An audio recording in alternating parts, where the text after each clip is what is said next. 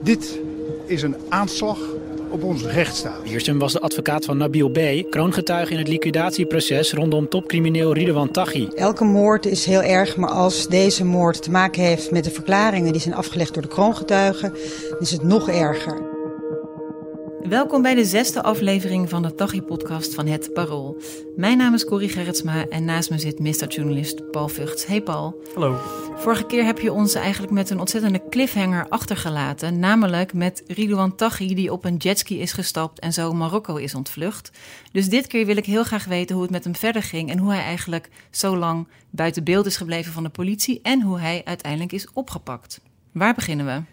We beginnen in de zomer van 2015, omdat dan uh, voor het eerst een grote poot van zijn organisatie wordt uh, gearresteerd ja. en paniek uitbreekt. Dat ging om een groep spotters, zoals het heet. Uh, mensen die doelwitten observeerden die geliquideerd moesten worden. Mm -hmm. Die groep was in beeld gekomen en een vrij afgeronde groep werd gearresteerd. Je merkt daarna onmiddellijk dat Ridwan Taghi en ook andere hoge figuren uit zijn organisatie zich ontzettend zorgen maken over wat weet justitie over hen. Mm Wijzen er dingen naar hen. Uh, en op dat moment uh, in augustus 2015 zie je ook dat het escaleert in zijn hoofd. Hij raakt echt totaal in de stress. En op 19 augustus 2015 stuurt hij dan een bericht naar eerst een van zijn belangrijkste handlangers, Mao R. Waarin hij zegt dat hij met een jetski en een Zodiac uit Marokko gaat uh, ja. vluchten. Want de geheime dienst zit achter hem aan. En dan stuurt hij ook een berichtje aan zijn vrouw. Waarin hij zegt dat hij misschien wel levenslang gaat krijgen. Dat hij misschien wel uh, haar en zijn kinderen nooit meer zou kunnen zien. En dan gaat hij vluchten. En hij ja, vlucht. want hij krijgt helemaal nog geen levenslang, want de politie heeft hem nog helemaal niet gevonden. Nee, de politie heeft hem nog lang niet gevonden. En we hebben het over augustus 2015. En we weten allemaal dat hij pas in december 2019 zou worden gearresteerd. Dus we hebben een gat van vier jaar. We hebben een gat van vier jaar. En uh, van het gat van vier jaar uh, zijn delen in te vullen. En ik moet nu al aan verwachtingsmanagement doen. Niet alles. Maar okay. wat we wel weten is dat hij dus... Nou ja, op die jetski in een Zodiac, zijn hele snelle speedboot, naar Spanje gaat. Mhm. Mm -hmm. Dan wordt hij daar opgehaald door iemand op een motor. Uh, die brengt hem naar een uh, eerste uh, safe house. En vanaf daar is hij waarschijnlijk, uh, misschien via omwegen, maar waarschijnlijk vrij snel richting Dubai gegaan. En daar zal hij uiteindelijk worden opgepakt. Waarom is Dubai per se een aantrekkelijk land om naartoe te vluchten? Dubai leek toen nog uh, en was toen nog een aantrekkelijk land om naartoe te vluchten om een paar redenen. Je hebt er hoge welstand, welvaart. Uh, mm -hmm. Je hebt daar uh, mooie clubs. En, ja, dus en... het is sowieso een fijn land als je van bling bling houdt om te verblijven. Ja, en het stond bekend als een land dat niet echt heel erg veel jacht maakte op grote criminelen. De, want nou, die druk voelden ze niet, zeg maar. Ja. Dan moet je weten dat gaandeweg daar wel een kentering in komt. En dat is belangrijk. Dus eerst, eerst gaat uh, het Openbaar Ministerie, recherche, zet een team op om hem te vinden. Uiteindelijk mm -hmm. sturen ze ook opsporingsberichten uh, de, de wereld over de wereld eigenlijk. In. Ja. Dus met foto's van, uh, van Ridwan Taghi en Said Razouki.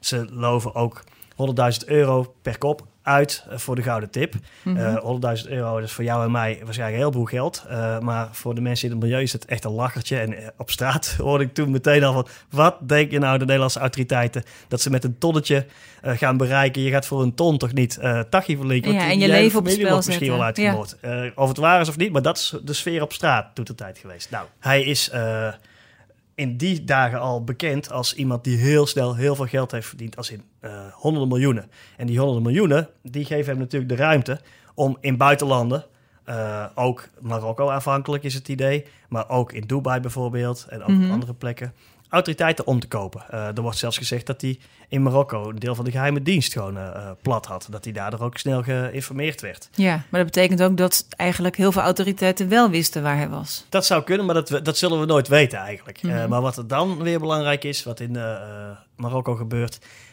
eind 2017 wil de organisatie van Ridwan Taghi volgens justitie daar iemand liquideren. Een Nederlandse crimineel, Marokko, een grote ja. rivaal, in Marrakesh, Marokko. Um, dat, die man zat op het terras, Moes heet hij. Die zat op het terras, die was daar net weg. Zijn plaats was toevallig ingenomen door een rechtenstudent. En de schutters die Moes moesten liquideren, liquideren een zoon van een uh, opperrechter. Totaal onschuldige student. Op dat moment is Marokko ook in de overtreffende trap in Tachi, laat ik zeggen, geïnteresseerd. Want uh, dat is wel zo'n uh, gods. Kijk, uh, liquidaties, daar tilt Marokko al heel zwaar aan, aan wapens al. Maar de zoon van een vooraanstaande rechter maakt het allemaal nog erger. Dus dan weet ook iedereen, dit kan voor Nederland wel een blessing in disguise zijn. Ja, werken, ze dan, werken landen dan gelijk goed samen? Of is het dat iedereen een beetje zijn eigen plan trekt, denk je? Dat is een hele goede vraag. En daar is een ingewikkeld antwoord op. Maar eigenlijk komt het erop neer, soms heel goed en soms weer helemaal niet goed. En dan, mhm. dan weet je, ik ken wel bijvoorbeeld Nederlandse rechercheurs die in Marokko zijn geweest voor verschillende zaken, voor samenwerking. En dan willen ze over een dossier praten en dan gaat het ineens over RIF-demonstranten die door de Nederlandse regering zouden worden gesteund. Uh, ja, het wordt natuurlijk gewoon een onderhandeling. Dan wordt het een onderhandeling. Dat, dan gaat het uh, bijvoorbeeld ook over uitkeringen van mensen die in Marokko uh, zijn gaan wonen met een Nederlandse AOW en dat dat maar te laag bedrag is. Weet ik veel. Die rechercheurs die flapperen dan met hun oren, die hebben geen idee waar dit over gaat. Maar dus de samenwerking tussen de Nederlandse uh, autoriteiten en de Marokkaanse wordt vaak belemmerd door, door dit soort uh, kwesties. Of door gewoon cultuurverschillen, door elkaar niet goed begrijpen. En dat geldt bijvoorbeeld ook voor Dubai. Ja, maar in ieder geval waren er wel veel meer ogen op hem gericht. Of tenminste, veel meer ogen wilden weten waar hij was. Precies, en dat geldt dan niet alleen voor Marokko zelf. Maar als de Marokkaanse geheime dienst achter je aan zit, die staan heel hoog aangeschreven. En uh, als in ook DEA uh, in Amerika. En dan weet je ook dat je in buitenlanden nog een probleem kunt krijgen. En het idee is dat waarschijnlijk de Marokkaanse geheime dienst wel met de Nederlandse uh, autoriteiten, onder wie ook de geheime dienst, uh, waaronder ook de geheime dienst heeft samengewerkt. En zo in Dubai uiteindelijk dagje in beeld is gekomen. Maar wat voor, wat voor dingen kunnen er zijn hoe je in beeld komt? Is het puur is het de telefoon van familie aftappen? Is het kijken van welke bankrekening er geld wordt gepind met een pasje? Ik zeg maar iets raars, want waarschijnlijk nee, heb je er andere manieren voor. Je zegt in die zin niks raars dat het nou exact is wat de recherche als eerste gaat, gaat doen. Um, kijken of uh, Tachi of Saitrazuki zelf contact maakt met zijn familie om een of andere reden. Ja, hij heeft natuurlijk een gezin. Zeker. En kijk, Tachi had zijn vrouw en kinderen in Dubai. Heeft ook nog wel allerlei uh, familie in Nieuwegein, Vianen, de regio Utrecht. Uh, waaronder ook zijn moeder. Zijn vader is overleden. Said Razuki, die heeft ook hier familie uh, in de regio Utrecht, ook in Groningen. Said Razuki heeft zijn lievelingsdochter, die ging in Amsterdam studeren en zo. En ze hoopte mm dat, die, dat hij op een of andere manier contact met, wat hij schijnt haar niet te kunnen uh, missen. Dat ze contact zouden maken, dat dat af te tappen was. Uh, er was een familielid van uh, Razuki op sterven lag. En waarvan ze dachten, oké, dat misschien is dat dan een, een reden waarom hij iets zal gaan doen. Ja. Nou, kijk, maar dat is eigenlijk een beetje de standaard maar dat is een beetje afwachten ook bijna. Ja, en overal maar stekkers insteken, zeg maar. Proberen af te luisteren en uh, te doen. Maar ze hebben ook wel geprobeerd het op allerlei innovatieve manieren te doen. Om met buitenstaanders samen na te denken van... als je in het hoofd van Tachi of uh, Razuki kruipt, waar zou je heen gaan? En, en gewoon zo proberen bijna filosofisch. Maar je hoort eigenlijk nooit dat een crimineel uh, verhuist naar IJsland of naar Alaska of zo. Het zijn toch vaak wel tropische oorden. Ja, en dat heeft dan te maken met de drugsindustrie. Uh, mm Dus dat daar vanuit Dubai en zo heeft veel drugscriminelen ook uh, in het land wonen. Ja. Zuid-Amerika heeft natuurlijk ook de hele cocaïne-industrie daar. Waardoor dit soort grote criminelen daar al lang en breed veel goede contacten hebben. Ja. Dus zij kunnen daar gewoon al die contacten gebruiken om weg te blijven. En die organisaties hebben natuurlijk zelf ook structuren om zichzelf te verstoppen. Dus die kunnen ook de ander verstoppen. En daar werd meteen al van gedacht dat zou wel eens kunnen zijn uh, waar ze dan uithangen. Uh, er werd overigens bij Tachi nog wel een zijlijn steeds genoemd Iran. Daar zijn wel hele verhalen over geweest dat ze daar op een, op een Iraans feesteiland zouden, dat hij daar zou zijn geweest. Dat heeft te maken met allerlei bespiegelingen vooral, omdat in Nederland een Iranier was geliquideerd door iemand die aan Tachi wordt gelinkt. Ja. En dan werd gedacht, oké, okay, dus misschien heeft hij, was dat wel een wederdienst voor diensten van Iran aan Tachi. Maar daar is eigenlijk niet zoveel van gebleken. Het wordt met klem ontkend. Uh, Ridouan Taghi heeft tegen via zijn advocaat Ines Wesky gezegd tot nu toe dat hij niet in uh, Iran is geweest, dat, dat hij in Dubai heeft uh, gezeten. Mm Nou ja, in Dubai weten we, is hij uiteindelijk uh, gearresteerd in een appartement. Op zich een luxe appartement in een, een, luxe wijk. Met een dame in zijn gezelschap. En ze waren wel een flesje wijn aan het drinken en zo. Maar we weten dat er de buren wisten geloof ik niet dat er iemand woonde, toch? Dat nee, er werden, zijn boodschappen werden bezorgd en het ging allemaal heel uh, ingewikkeld. De gordijnen bleven voornamelijk dicht en er waren vaste mensen die zowel in Nederland als daar, hem het wegblijven uh, mogelijk probeerde te maken. Dus Mhm. handlangers probeerden te zorgen dat hij eigenlijk niet naar buiten hoefde. En dat hij eigenlijk als een kluizenaar daar Maar je kan je toch niet voorstellen dat hij dan misschien vanaf 2017 tot 2019 dan alleen maar in die villa verblijft? Dat kan ik me ten eerste niet goed voorstellen. Maar ten tweede moet ik daarbij zeggen dat we dat niet precies weten, hoe Nee. die daar is eh, gevaren. En dat weten we ook niet van eh Said Razuki. Maar grappig wel om te melden dat uiteindelijk... Said Razuki is dus ook al die jaren nog weggebleven. Nog langer dan, eh dan Tachi. Maar uiteindelijk ook in Colombia gepakt. Mogelijk omdat eh, de Amerikaanse geheime dienst eh, daarbij betrokken is geweest bij het vinden van hem. En ook hij zat in een appartement min of meer zelf opgesloten. En hij had zich als een oude man uitgedost. En, Ja. en hij zag er ook wel vrij triest en Ja, ik kan me uit. herinneren de beelden van zijn arrestatie die uitlekte volgens mij. Of uitlekte die gedeeld werden. Ja, ja, dat, Dat, dat, het er niet best uitzag. Dat is in Nederland niet zo gebruikelijk, maar in veel buitenlanden wel. Dat je gewoon heel erg laat zien wat een triest figuur is uiteindelijk. Moet je nou kijken dat het uiteindelijk altijd slecht afloopt, zo'n Ja. criminele carrière. Dat, eh, eh, dat zie je in veel buitenlanden na dit soort arrestaties wel verschijnen. Maar nog even terug naar die opsporing. Want we hebben dan dat je familie kan bellen of dat je telefoons kan aftappen. Dat je misschien een geldspoor kan volgen. Zakenpartners. Maar hoe, ja, precies. Is het dan misschien via die weg gegaan dat toch mensen. Heeft Nebel B hier bijvoorbeeld een rol in gespeeld? Eh Nebel B wist niet waar hij was. En je moet je niet vergissen in de tijd. Kijk, Nebel B is begin 2017 naar binnen gegaan. Vanaf dan heeft hij geen zicht meer. Ja. De PGP's, waar we al vaak, de versleutelde berichten waar we het al zo vaak over hebben gehad, waarin heel duidelijk is te volgen hoe de leden van, de, van die organisaties met elkaar communiceren. Mhm. Die berichten komen uit een beperkte tijd vanaf 2015, eh 2016. Oh, Maar die dat- gaan helemaal niet. Dat is helemaal niet meer van de laatste jaren. Nee, dat hield op een moment op. Eh, die server, die, er is op een moment een server in beslag genomen in Canada. Ja. Eh, en dan kun je dus wel terugkijken en eh, graven in die miljoenen berichten en zo. En dan zien rechercheurs wel heel veel wat er tussen de belangrijke spelers in de groep is gezegd. Maar het houdt ergens op, dus je kunt niet meer live meekijken. Volgens mij is op een gegeven moment hebben ze toch laten uitlekken. Waarschijnlijk is hij in dit en dit land. Ja, kijk, maar dat, zijn, dat heet ruistraject, ruisstrategie. Ruis creëren, dus dan komt er weer iets op opsporing verzocht of ergens via Mhm. enig medium, eh, via een journalist, die krijgt dan een tip van eh, we denken dat hij daar en daar zit en zo. En dat is dan Zuid-Amerika of eh, Dubai. En, maar dan is voor de journalisten niet altijd helemaal duidelijk, weten ze eigenlijk, hebben ze eigenlijk wel een heel goed idee? Of proberen ze hier nu een balletje op te gooien? Stel nou... dat ehm, er wat gebeurt, dat er wat losgemaakt wordt, ja, bedoel je? Dat er wat... dat er genoeg ruis komt in het milieu waardoor mensen gaan zeggen dat bijvoorbeeld, oh, ze weten het. Of iets anders nog, van ah, ze denken dat hij in Zuid-Amerika zit terwijl hij in Dubai zit. Klinkt erg peppy en kokkie, maar afgeleide van zo'n soort denkwijze, daar komen vaak die berichten door eh, in, eh, in media terecht. Maar kan het ook nog zijn dat, ehm, jij zei zakenconnecties, dat iemand hem erbij heeft willen lappen? Er is wel een idee dat hij uiteindelijk via een van degenen die hem eh, f- fysiek faciliteerde, met bijvoorbeeld boodschappen en zo, dat dat een rol heeft gespeeld bij, zijn, bij het vinden van hem.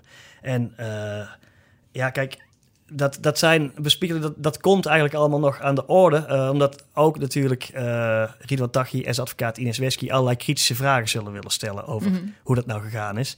En dan is de vraag in welke mate daar dan heel goede antwoorden op komen, omdat voor een deel zitten hier veiligheidsdiensten in en zo. En dan heb je al vrij snel afscherming van eh, informatie van veiligheidsdiensten. Dus of we, of we al die details uiteindelijk ingevuld gaan krijgen, is zeer de vraag. Woonde zijn Die- vrouw nog steeds in Nederland? Of was Nee, die ook Dubai. naar... En dat was misschien ook wel een groot teken dan. Ja, maar dat was wel iets wat heel snel bekend al was. eh, dat zij in Dubai woonde met zijn kinderen. Mhm. En die zaten daar ook gewoon op privéschool. zo. Ja. Dat was eh, heel bekend. En natuurlijk hebben ze in het begin gehoopt dat hij daar contact zou opnemen op een of andere manier. Of ergens een keer fysiek zou ja, opduiken. bij de dat, school langskomen. Ja. dat gebeurde allemaal niet. En toen wisten ze het gewoon niet. Of, of hij de discipline kon opbrengen zelf om gewoon heel zijn gezin links laten liggen. Eh, het lijkt erop dat dat eh, voornamelijk wel is gebeurd. Ja. Dat hij dus Maar niet ze zullen toch wel gecommuniceerd hebben. Ja, dat staat Of via, vast. via, via. Ja, ehm, we weten uit de tijd dat die versleutelde berichten nog konden worden gelezen, dat hij volop met haar communiceert. Ehm, maar wat er dus later in eh, berichten is verhandeld, weten we niet, omdat, omdat toen niet meer de recherche kon meekijken met die berichten. Dus er zijn, dan moet je het weer heel hebben- erg hebben over tips uit het criminele milieu. Eh, eh, gaat iemand nog contact ergens opnemen? Kan de Marokkaanse geheime dienst, die allerlei mensen heeft gearresteerd in eh, Marokko en laat ik zeggen, de andere verhoormethode op nahoudt dan Nederland, Mhm. martelen, er wordt vanuit gegaan. Heeft, hebben die Marokkanen op die manier iets te pakken gekregen? uit Dat weten we gekregen? eigenlijk ook niet. Van welke, wie de gouden tip had eigenlijk Nederland of Marokko. Daar zijn heel Of veel doen wij vermoedens zelf. over. Of was Dubai zelf eigenlijk ook op zoek? Inmiddels, het idee is dat waar Dubai lang op zijn minst uh, niet goed samen wilde werken met Nederland. En dat kan aan twee kanten een probleem zijn. Hè? Ik zeg niet dat het alleen maar een Dubai's probleem is. Uh, wie weet uh, waren de Nederlandse autoriteiten daar wel heel onhandig in. Mm -hmm. Maar we weten dat uiteindelijk in Dubai wel het besef is gekomen dat het goed was mee te werken aan uh, deze toch kennelijk uh, most wanted figuur uit, uit Nederland. En toen hebben zij het wel gewild dat hij werd gepakt. Of nou de doorslaggevende informatie uit de Marokkaanse geheime dienst is gekomen, zoals op straat veel wordt gezegd.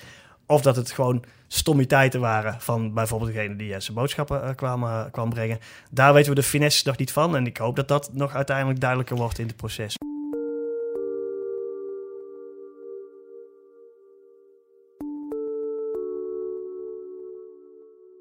Uh, Taghi zat dus daar in die villa, misschien twee jaar, misschien een paar maanden ondergedoken. Heeft hij toen al die tijd nog zijn organisatie kunnen leiden? Want communiceren is natuurlijk een stuk lastiger. Communiceren is op zijn minst riskant, uh, want dat is eigenlijk de belangrijkste, uh, het belangrijkste risico ja. op gevonden worden. Het idee is wel dat hij tijdens zijn vlucht langdurig nog in staat is geweest niet alleen zijn drugshandel aan te blijven sturen, maar ook uh, geweld in Nederland, liquidaties, mm -hmm. uh, aanslagen uh, op, op bijvoorbeeld redacties van Panorama en de Telegraaf.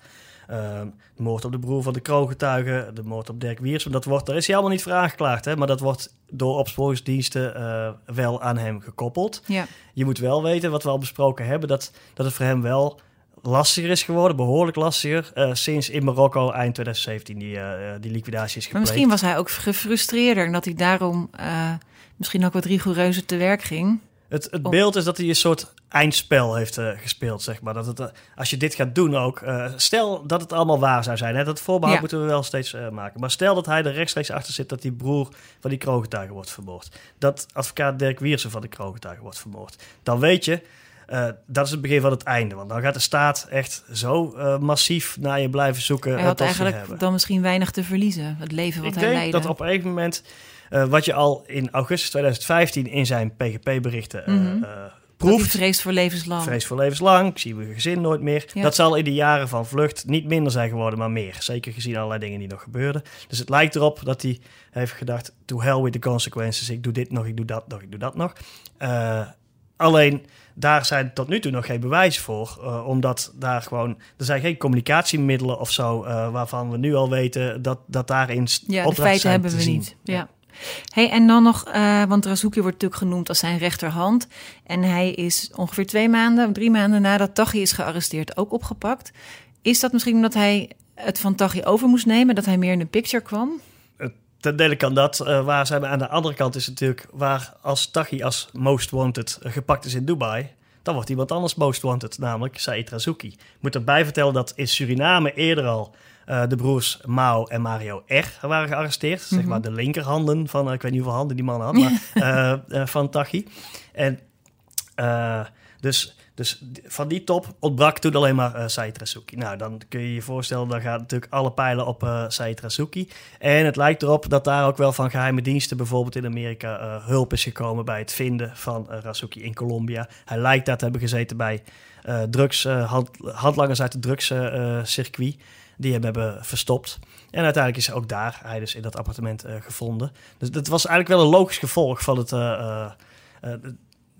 hij was dan de laatste die ze nog niet, uh, niet hadden. Natuurlijk zijn er overigens ook nog andere mensen... Uh, die nog steeds gezocht worden, Zoals ja. Gerald Palm, die gedacht wordt, geacht wordt een paar mensen te hebben uh, vermoord namens hem. Die was gearresteerd in Suriname, maar heeft daar onder raadslachtige omstandigheden kunnen ontsnappen uit de, de gevangenis. Ja. Dus er zijn nog allerlei mensen los tegen wie ze denken bewijs te hebben. Dus als ze die zouden vinden, zouden ze meteen kunnen arresteren en lang vasthouden. Er zijn er ook nog los waarvan nu nog geen bewijs is dat zij een belangrijke rol spelen, maar wel gedachtes. Dus dat, dat spel, dat loopt nog wel even door. Het is niet dat het allemaal nu klaar is voor de onderzoeksteams. Uh, nog wel één vraag, want als Said Razouki ook niet meer de most wanted is, wie is het dan nu wel? In dit spectrum is dat uh, Gerald Paul nu. Uh, dat is die man die wordt gezocht voor meerdere betrokken bij meerdere liquidaties. En die staat ook op de nationale opsporinglijst met naam, toenaam, persoonlijke kenmerken. Die willen ze heel graag hebben. En uh, dat is ook wel een goed bruggetje naar uh, de aflevering van de volgende keer. Ik ben benieuwd. Want dan gaan we het hebben over het grote Marengo-proces tegen Ridwan Taghi en vooralsnog 16 medeverdachten. Waar ze heel graag die Gerald Palm als 17 er ja. bij zouden voegen. Dat bespreken we allemaal in de volgende aflevering. Luisteraars, heb je met plezier naar deze podcast geluisterd? Laat dan een goede recensie voor ons achter. Deel hem ook vooral met je vrienden, collega's en bekenden. Heb je vragen of opmerkingen? Mail ze naar toggi.parool.nl. Mijn naam is Corrie Gerritsma en deze podcast werd ook gemaakt door Paul Vugts. Redactie Rita Strooien en Jeroen Pen. Techniek en montage Lisette Spiegeler.